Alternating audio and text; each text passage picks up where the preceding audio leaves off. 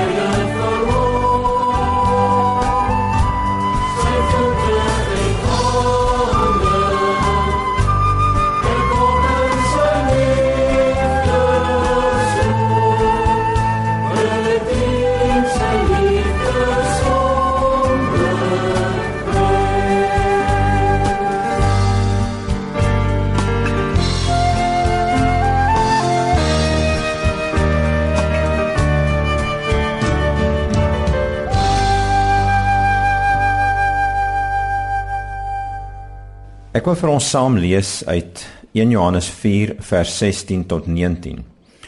Luister net hoe mooi is dit. Ek wil daarso by die tweede helfte van die versie begin by vers 16. God is liefde. Wie in die liefde bly, bly in God en God bly in hom. Hierin het die liefde sy doel volkome met ons bereik. Ons het niks te vrees vir die oordeelsdag nie. Want in hierdie wêreld lewe ons reeds deur die liefde net soos Jesus. Waar liefde is, is daar geen vrees nie. Maar volmaakte liefde verdryf vrees. Want vrees verwag straf en wie nog vrees, het nie volmaakte liefde nie. Ons het lief omdat God ons eerste lief gehad het. En dan ook 'n paar versies in Romeine 5 van vers 18 af tot by vers 21. Soos een oortreding gelei het tot veroordeling vir alle mense, So het een daad van gehoorsaamheid dus ook gelei tot vryspraak en lewe vir almal. Soos baie deur die ongehoorsaamheid van een mens sondaars geword het, so ook sal baie deur die gehoorsaamheid van die een mens vrygespreek word. Die wet het bygekom om die oortredinge nog meer te maak. En hoe meer die sonde geword het, hoe oorvloediger het die genade geword. Die doel was dat soos die sonde deur die dood heerskappy gevoer het, die genade deur die vryspraak ook heerskappy kan voer en tot die ewige lewe kan lei deur Jesus Christus ons Here. Nou voordat ek my hart met julle gaan deel oor hierdie twee gedeeltes, kom ons bid eers saam. Hemelse Vader, dankie vir 'n wonderlike voorreg om as liggaam van Christus so by mekaar aan te sluit en of dit nou oor die lig is of ons wat hier saam is, dat ons kan weet dis U wat ons saambind en ons 'n eenheid laat vorm want U het Uself aan ons kom verbind. Dankie dat U in Christus na ons toe gekom het, mens kom word het en as gevolg van die kruis en die opstanding van Jesus Christus en die uitstorting van die Heilige Gees het U gekom en U sê U is nou vir altyd by ons. Dankie daarvoor Vader. Dankie dat U by ons is en in ons is So intiem, U sê ons is nou U woonplek. Geer dat ons dit sal verstaan, dat ons dit sal glo. Help vir ons om elke dag met hierdie waarheid te lewe dat ons nie alleen is nie. Dat U by ons is en dat U sê U sal ons nooit begewe en ons nooit verlaat nie. Vader, en in hierdie wêreld met sy uitdagings waarin ons vandag leef, het ons so behoefte daaraan om maar net telkens te weet, U's in ons en U's by ons en U sal ons nie in die steek laat nie. Kom nou vanmôre ook met U woord en met U gees en spreek ons elkeen aan. Ons vra dit in Jesus se naam. Amen. Nou ek wil sommer my gesprek begin deur te sê daar's twee woorde of twee begrippe sou mens kon sê wat vandag 'n baie belangrike rol in mense se lewens speel en ook in ons as kinders van die Here se lewens speel. En dis die begrip vrees en sonde. Nou, kom ons begin met vrees. As ons vir mekaar sou moet sê waarvoor ons alles bang is en wat alles vrees by ons wakker maak, dan dink ek sou dit nou glad nie moeilik gewees het om 'n klomp goed op hier op die tafel te sit en situasies hier te noem dat ons nie sou weet wat om eers daarmee te maak nie. Nou die aangrypende is dat die Here na ons toe gekom het en ek wil sê sy strategie en sy plan van om uh, vir ons te kom help met ons vrees is die wonderlike ding dat die Bybel sê die teenoorgestelde van vrees is liefde. En dis waarvan ons nou gelees het hier in 1 Johannes 4 dat daar staan volmaakte liefde dryf die vrees uit. Nou daar's net een liefde wat volmaak is en dis God se liefde. En dis hoekom vers 19 dit ook so gesê het. Ons het lief omdat God ons eerste lief gehad het. So die manier waarop 'n mens van die vrees in jou lewe ontslaak kan raak, is deur die liefde, God se liefde. En daarom moet ons begin om vir onsself en ek wil amper sê vir die mense rondom ons en vir die wêreld rondom ons te bid dat ons al hoe meer sal verstaan van die liefde van God, sy liefde vir ons.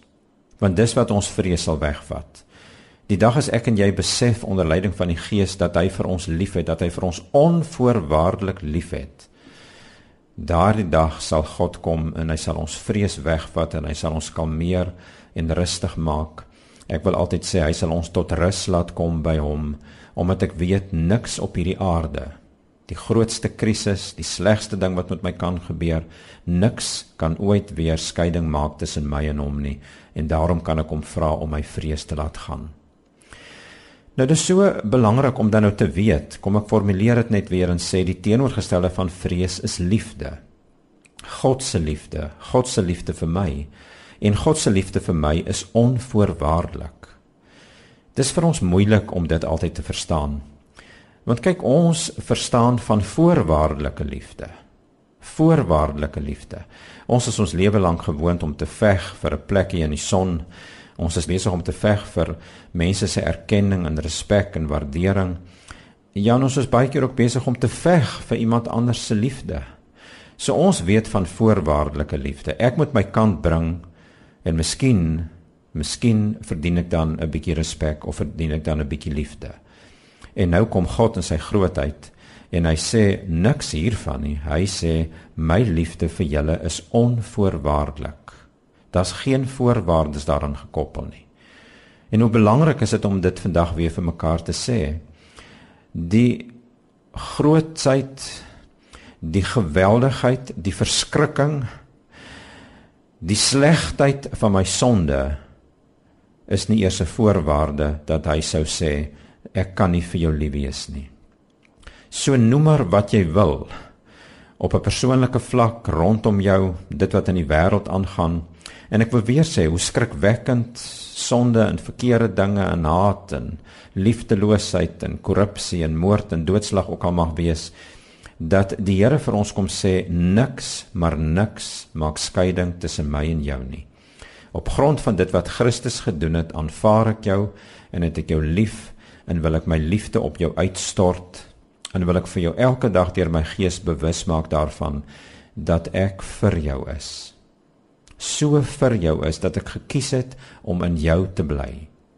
En dat ek so lief vir jou is dat ek gekies het om nie net vir jou 'n bietjie te kom help in die lewe nie.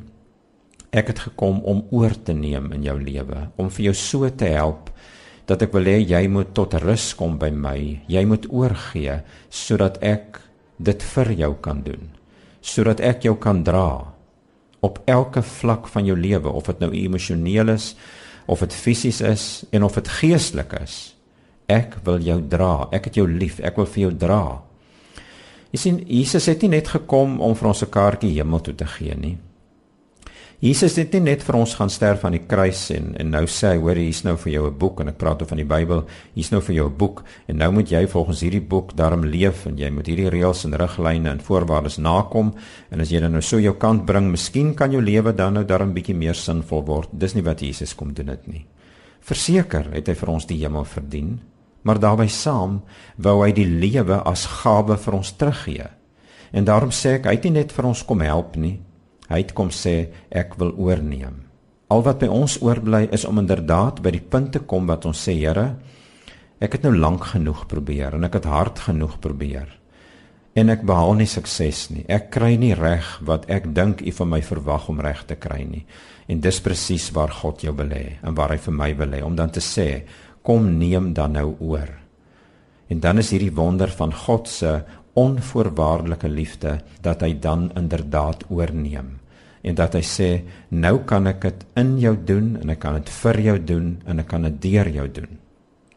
So as Jesus byvoorbeeld sê ons moet ons kruis opneem om agter hom aan te kom, dan beteken daai kruis opneem niks anders, niks meer, niks minder dat ek myself en my eie pogings en my eie probeerslae wat so maklik vrees by my wakker maak want ek is net nooit goed genoeg nie en en mis ek nie dalk die Here nie.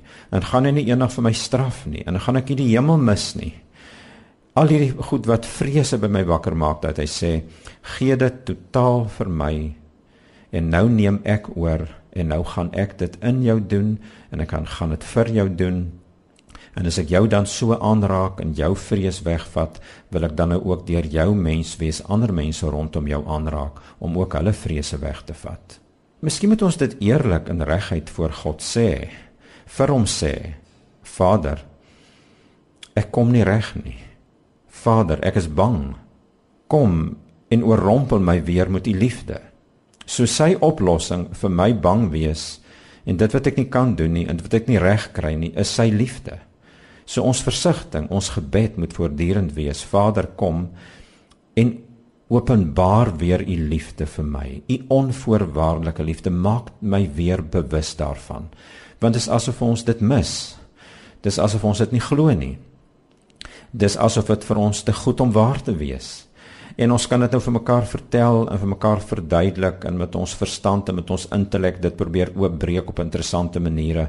Op die ouend is dit God wat deur sy gees moet kom en hy moet elke mens, elke individu vat en hy moet ons so bewus maak van hierdie liefde van hom vir my, vir ons, dat ek weet niks in my lewe sal dit ooit weer wegvat nie. So ek wil weer sê, waarvoor is jy bang? Neem vir jouself tyd en Maak miskien maar sommer 'n lysie en formuleer nou vir jou die goed wat jou bang maak. Miskien siek wees, miskien oud word, miskien doodgaan. Miskien die landstoestande wat so sleg is, die ekonomie, die droogte. Noem wat jy wil, sit op daai lysie dit wat vir jou bang maak en vir jou angstig maak en dan sê jy Here, hier's die goed wat my bang maak en angstig maak. Wat ek nou vandag nodig het, is dat U weer sal kom en U liefde aan my sal bekend maak dat u liefde my sal optel en staande sal hou. My sal laat opstaan om ten spyte van hierdie krisis en probleme te weet, u sal vir my deurdra. U het gesê die goeie werk wat u met ons begin het, dit sal u klaarmaak. En weet julle, die belangrike ding wat ons vir mekaar moet sê is, dit help nie ons stik mekaar op die skouers, ons as gelowiges en ook vir ander mense, jy weet ek beleef dit baie keer hoe dat ons vir mekaar sê nee wat man moenie bekommerd wees nie, daai krisis sal nie gebeur nie, moenie vir daai ding bang wees nie.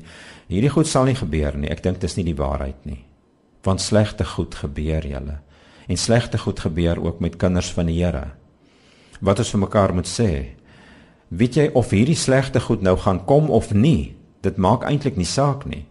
Hy moet ons so oorrompel met sy liefde en so bewus maak van sy liefde dat wat ook al met my gebeur Of dit dan nou goeie goed is en of dit die slegste ding is waaraan ek kan dink dat ek op die ouend weet sy liefde hou my staande. Sy liefde laat my aangaan. Sy liefde tel my telkens op. Sy liefde laat my aangaan in hierdie land. Sy liefde laat my aangaan met hierdie swaar kry wat hy nog nie weggevat het nie. En miskien gaan hy baie van die swaar kry nie wegvat nie. Maar omdat hy my liefhet, weet ek ek is nie alleen nie. Hy dra my, hy sorg vir my. Hy sal vir my end uitvat. Is amper asof ek die beeld wil gebruik en wil sê, dis asof jy moet kies vir hierdie vrye val, kom ons sê nou maar van 'n hoë gebou af of uit 'n vliegtyg uit. Jy moet kies. Geloof beteken jy moet kies om te val, hierdie vrye val en jy weet dis nie maar net 'n val in 'n diep gat of 'n val na jou dood toe nie, dis 'n val in ons Vader se arms. En om dan te kan val in sy arms is die manier waarop jy weet nou tel hy jou op en dra hy jou en sorg hy vir jou verder. Nou hierdie val in sy arms is nie net vir ons redding nie, is nie net vir my bekering nie, hierdie keuse van my wat die Gees my wil kry om te val, hierdie vrye val in sy arms is vir die situasie van elke dag. Dit waarmee jy vandag worstel. Ek wil weer sê op watter vlak dit ook al lê. Of jy sukkel met jou finansies of jy sukkel met die droogte of jy sukkel met jou eie persoonlike kwessies, dat jy kan sê Here, ek kies om te val in u arms. Ons het nou die dag opstanding Sondag gevier. En die verrassing van opstanding Sondag is juis vir my dat ons hoor hoe dat die Here sê Andrei as jy en hy noem vir jou by die naam en hy sê as jy kom val op my as jy in my arms kom val met watter behoefte ook al dan gaan ek in jou opstaan en ek gaan in jou en deur jou myself sigbaar kom maak en bekend kom maak en jy gaan dit beleef hoe ek in jou opstaan en vir jou deurdra in watter situasie ook al. So, wat maak ons met die vrees in ons lewe? Ons gaan sê eerlik vir die Here, ek het dit, dis hoe dit lyk, dis hoe ek voel, dis wat my bang maak. En dan sê ons Vader kom, kom openbaar u liefde aan my. Kom maak u liefde bekend. En weet julle wat is die wonderlike ding as ons begin bid dat hy sy liefde aan ons moet bekend maak? Hy het sy liefde die duidelikste kom wys in Christus. Soos ons sê, ons versigtiging is, ek is bang, ek kan nie, ek weet nie hoe nie, maak die liefde aan my bekend, gaan hy telkens vir jou meer en meer laat besef wie en wat Christus is en wat hy in Christus kom doen het. En dat hy in Christus nou in my bly en in jou bly. En dat Christus se gehoorsaamheid nou vir my en vir jou toegereken word. Hy wil ons vrees wegvat sodat ons weer met opgewondenheid en vreugde en blydskap kan lewe. Maar daar was 'n tweede waarheid wat ek wil sê wat God 'n bepaalde strategie in ons lewe het. Hy wil nie net ons vrees aanspreek en met sy liefde ons vrees wegvat en ons weer soos gelukkige mense laat lewe nie. Ons het gesê die ander kwessie wat so belangrik is in ons lewens en in die wêreld daar buite is sonde. Nou net soos wat die teenoorgestelde van liefde of vrees liefde was, moet ons vir mekaar sê, wat is die teenoorgestelde van sonde? Met ander woorde, vrees word beveg deur die liefde van God. Wat is die teenoorgestelde van sonde? Waarmee moet ons sonde beveg? Ek dink die meeste mense sou dadelik vir my sê ons moet sonde beveg deur beter mense te word, deur meer gehoorsaam te wees, deur beter te luister na die Here. En so sou ons 'n klomp goed op die tafel kon sit om vir mekaar te bemoedig en te sê dis hoe ons van sonde ontslae kan word. Weet julle wat is die Bybelse waarheid? Die teenoorgestelde van sonde is genade. Mens lees dit veral in Johannes 1 vers 17 waar daar staan God het die wet deur Moses gegee. Die genade en die waarheid het deur Jesus gekom. So as jy die vrees in jou lewe wil weg hê, moet hy vir jou leer van sy liefde. As jy die sonde in jou lewe wil weg hê, moet hy vir jou meer en meer leer van sy genade. Die teenoorgestelde van dit wat ek en jy dink wat moet gebeur. Nou wat is sy genade? Is dat hy in Christus kom sê jy kan dit nie doen nie. Jy het nie die vermoë om heilig te lewe en sonder sonde te wees en skoon te wees en perfek te wees en volmaak te wees. En ons sê mos al hierdie eise kry ons in die Bybel. Dis asof God vir ons duidelik kom sê jy kan dit nie doen nie. En nou beteken my genade dat ek in Christus dit vir jou gedoen het. En dat ek wil hê jy dit moet begin glo. Met ander woorde, as hy nou na my kyk, dan sien hy Christus se gehoorsaamheid raak. Ons het dit gelees hier in Romeine 5 vers 19. As hy na my kyk, dan sien hy Christus se heelheid raak. In Christus se naby wees sien hy raak. En so sê ons met hierdie proses kan aangaan. En as ek dan dit raak sien en ek weet hy hou van my, nie omdat ek goed is of uitgesorteer is of nie so sleg is of minder sonde doen nie. Hy hou van my op grond van wat Christus vir my gedoen het. Maak dit 'n ander avontuur in my wakker en maak dit 'n ander opgewondenheid in my wakker in 'n lewensvervulling in 'n vreugde in die besef dat daar's vir my hoop want die fokus is nie op my nie die fokus is op hom. So dis amper asof 'n mens vir mekaar kon sê in met sy genade wat hy in Christus kom wys het het hy die druk van ons kom afhaal. En hoe nodig het ons nie om dit vandag te weet nie. Hy het die druk van ons kom afhaal. Want hy weet ons kan in die eerste plek nie eers hierdie druk hanteer nie. Is vir ons te sleg is vir ons te swaar dit druk ons letterlik plat. Dis asof dit ons dooddruk. So ons kan dit nie hanteer nie. En ons kan ook niks doen om dit beter te maak nie. En daarom het hy dit kom beter maak. Hy het dit kom regmaak. Wat het ons net nou gesê? Hy het nie net 'n bietjie kom help nie. Hy het kom oorneem. So sy genade is dat hy dit vir ons kom doen het. Sy genade is die duidelikste sigbaar in Christus. Hy het vir my lewe kom oopbreek. Hy het my weggevat sê Kolossense 1 uit die ryk van die duisternis en het my oorgeplaas in die ryk van die lig. Op 'n ander manier sê die Bybel, die dag as hy my laat glo in Jesus Christus, dan is ek van bo gebore. Ons gebruik baie keer die uitdrukking dan is ons weer gebore. Beteken letterlik ons is van bo gebore. Ons is nou kinders van God. Ons is nou deel van sy huisgesin. Ons kry die beeld in die Bybel Ons sit saam met hom aan die tafel.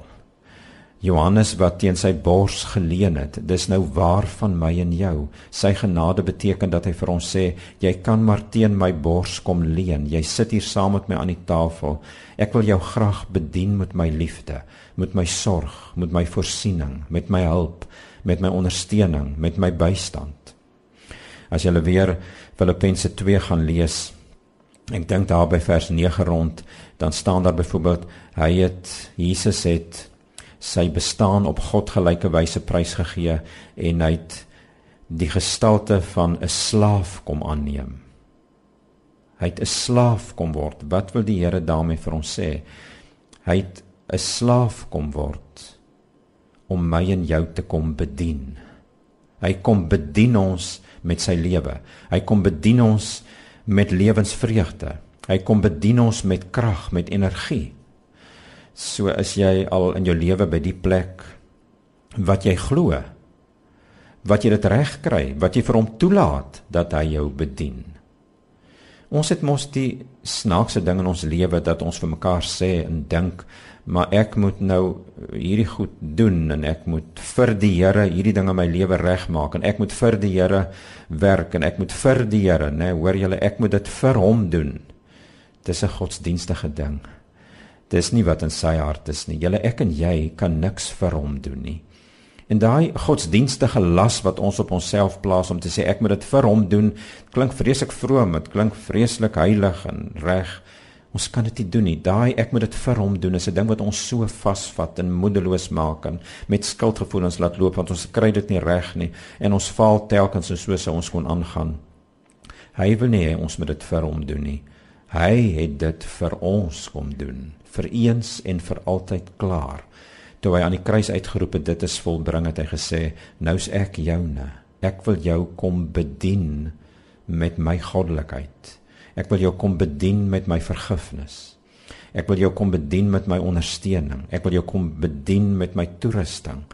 En so kan jy watter behoefte jy ook al het, kan jy na hom toe vat en sê Here, Ek sukkel met sonde en my grootste sonde is dalk Nie so seer 'n klomp fisiese goed nie, en hoe sleg en hoe lelik en hoe verkeerd en traumaties en nadelig die fisiese goed ook al is.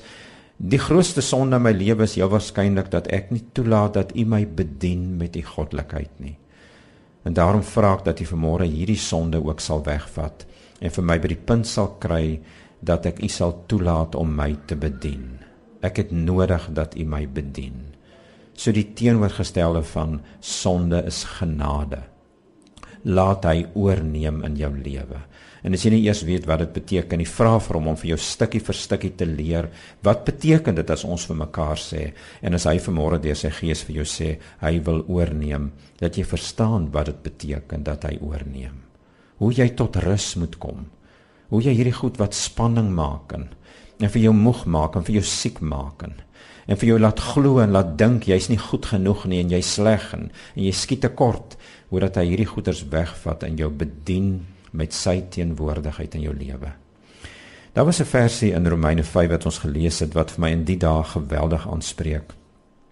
Daar staan by vers 20 Die wet het bygekom om die oortredinge nog meer te maak en hoe meer die sonde geword het, hoe oorvloediger het die genade geword.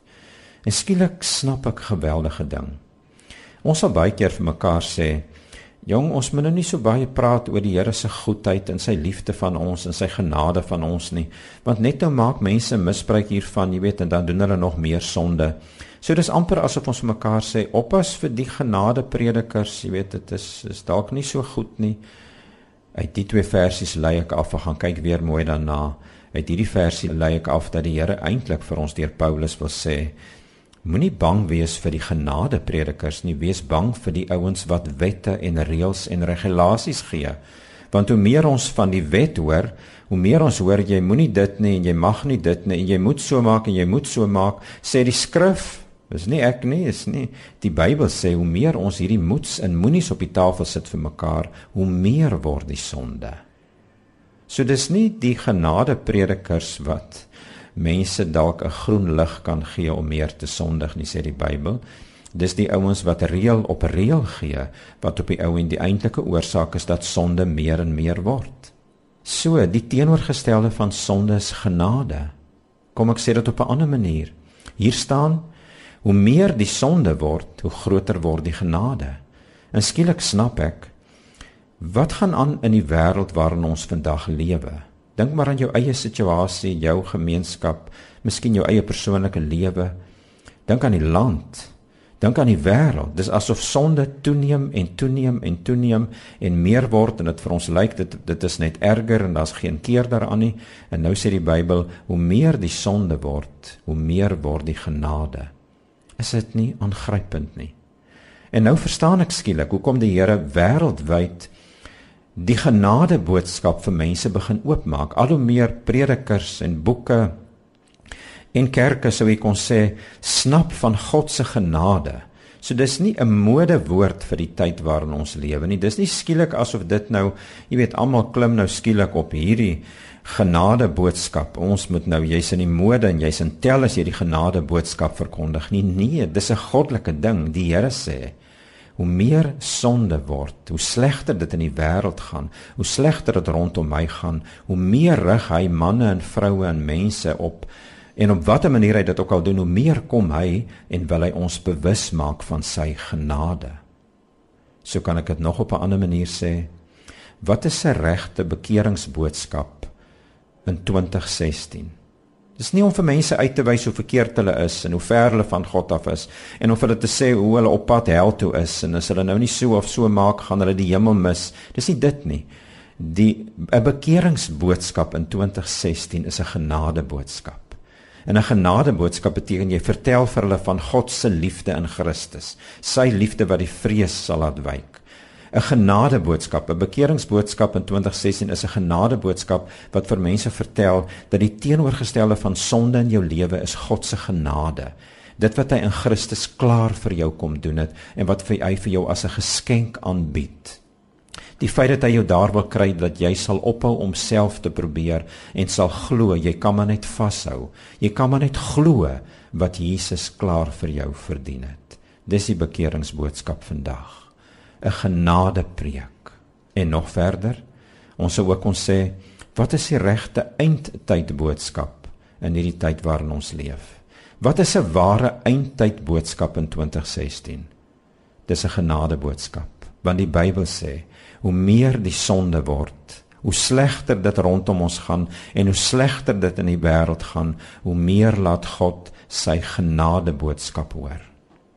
Jy sien, om mense bang te maak vir die hel, om mense bang te maak en sê hoor jy as jy nie gaan verander nie gaan God jou straf en hy gaan jou bykom en wat ook al het nog nooit mense se lewens dramaties verander nie. Miskien kan ek nie veralgemeen nie.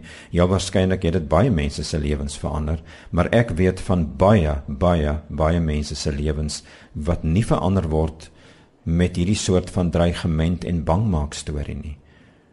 En dis nie wat God se bedoeling was nie nie dat ons mense sal bang maak en op dié manier hulle na God toe probeer dryf nie maar dat ons hulle vertel van God se liefde sodat hy op die regte tyd deur sy gees kan kom en vir hulle absoluut kan oorrompel met sy liefde. En as hulle oorrompel is met sy liefde, dan sê die Bybel, dan dring hy ons van binne af. Dan is dit nie meer 'n uiterlike ding. Ons moet vir mekaar sê, hoor ek met daai reëls gehoorsaam. Hoor jy help my dat ek hierby bly. Hoor jy hierdie program en hierdie resep en hierdie kursus dit kom van binne af dan is die gees van God in ons en dan sê hy ek het nou my wet op die tafel van jou hart geskryf van binne af dring die gees my en begin hy werk met elke stukkie sonde in my lewe en is 'n proses wat gaan aanhou tot op my sterfdag stadig maar seker gaan hy alles uitsorteer wat hy nie daar wil hê nie stadig maar seker gaan hy alles terugbring wat hy in my lewe wil hê weet julle wat is die uitdrukkings wat die Bybel gebruik die Bybel sê hy gaan die lewe van Christus in my sigbaar maak. Ek kan nie dit sigbaar maak nie. Ek kan nie volgens die voorbeeld van Jesus probeer lewe nie. Dis 'n vleeslike ding om Jesus se voorbeeld te probeer navolg. Die Bybel sê hy wil sy lewe, die verheerlikte Christus wil sy lewe deur my sigbaar laat word. Hy moet dit in my en deur my spontaan 'n realiteit maak.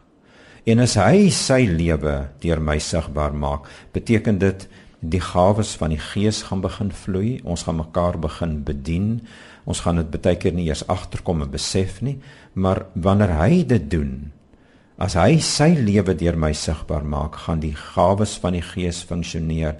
Die vrug van die Gees gaan 'n realiteit word gehoorsaamheid gaan 'n maklike ding word want dit is nie dan 'n voorwaarde vir sy seëninge nie want gehoorsaamheid gaan dan iets word waarmee hy my seën. Hy's nou in my en hy's by my en hy help my om by gehoorsaamheid uit te kom. Ons wortel so met gehoorsaamheid in ons lewe. Hoe kan ek aan die Here gehoorsaam wees en wat moet ek doen om dit reg te kry? Ons doen dit verkeerd. Hy wil daai gehoorsaamheid uit ons laat voortvloei sy gehoorsaamheid sê Romeine 5 vers 19 Christus se gehoorsaamheid word my toegereken en hoe meer ek daaraan vashou hoe meer sal hy Christus se gehoorsaamheid in my lewe spontaan 'n realiteit maak en gaan dit vir my maklik word om gehoorsaam te wees. So kom ons sluit af. Wat wil die Here vanmôre vir ons sê? Hy wil sê die vrese wat ons het en mense het vrese wil hy verander en beveg sy strategie is hy wil dit verander met sy liefde.